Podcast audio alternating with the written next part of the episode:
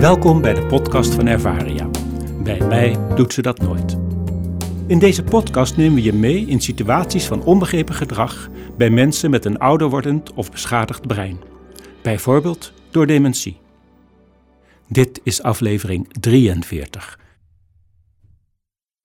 Mevrouw Deloor, mevrouw Kolkman en mevrouw Brink zitten aan tafel. Ze zijn er vaak het eerste. De andere bewoners van de waterlelie zijn er nog niet. Het is stil in de huiskamer. De dames hebben nog geen gesprek gevoerd. Nina schuift aan en ze probeert het gesprek op gang te helpen. En mevrouw Brink, heeft u lekker geslapen? vraagt ze. Nou, dat valt wel tegen, klinkt het wat mopperend. En u, mevrouw Kolkman, probeert ze. Nou, daar heb je haar weer met de vragen. Het is het korselige antwoord dat ze krijgt. Mevrouw de Loor begint wat te schuifelen op haar stoel en het wordt er niet gezelliger op. Nina bespreekt later het verloop van deze ochtend met enkele collega's. Jeannette herkent het en ook zij maakt regelmatig een moeilijk lopende ochtend mee.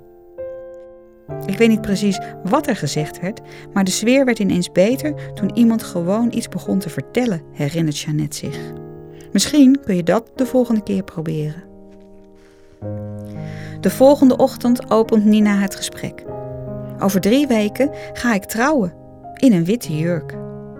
Daarna zwijgt ze en is het eventjes stil, net zo als altijd daarvoor. Maar dan begint het. Ik mocht niet trouwen, er was geen geld voor een jurk, begint mevrouw de Loor te vertellen. En al snel reageren mevrouw Kolkman en mevrouw Brink en er komen mooie persoonlijke verhalen, wel twintig minuten lang. Over het feest dat er niet kwam omdat het oorlog was, over een man van de verkeerde kerk, over de toespraak van hun vader. Het stellen van vragen kan voor het brein van mensen met dementie bedreigend zijn. Dit gaat al op voor eenvoudige vragen. Een vraag stellen betekent immers dat er een antwoord wordt verwacht. En dat kan zomaar een fout antwoord zijn. Dat risico ga je liever uit de weg door te zwijgen of niet op de vraag in te gaan. Door alleen iets te vertellen en niets te vragen, geef je mensen de keuzevrijheid. Er kan gereageerd worden waarbij elke reactie in wezen goed is. Het is zelfs goed om niets te zeggen en alleen maar te luisteren. Door te vertellen in plaats van te vragen, voorkom je de last van het verplicht geven van een antwoord. Vraag niet te veel, maar vertel en durf daarna te zwijgen.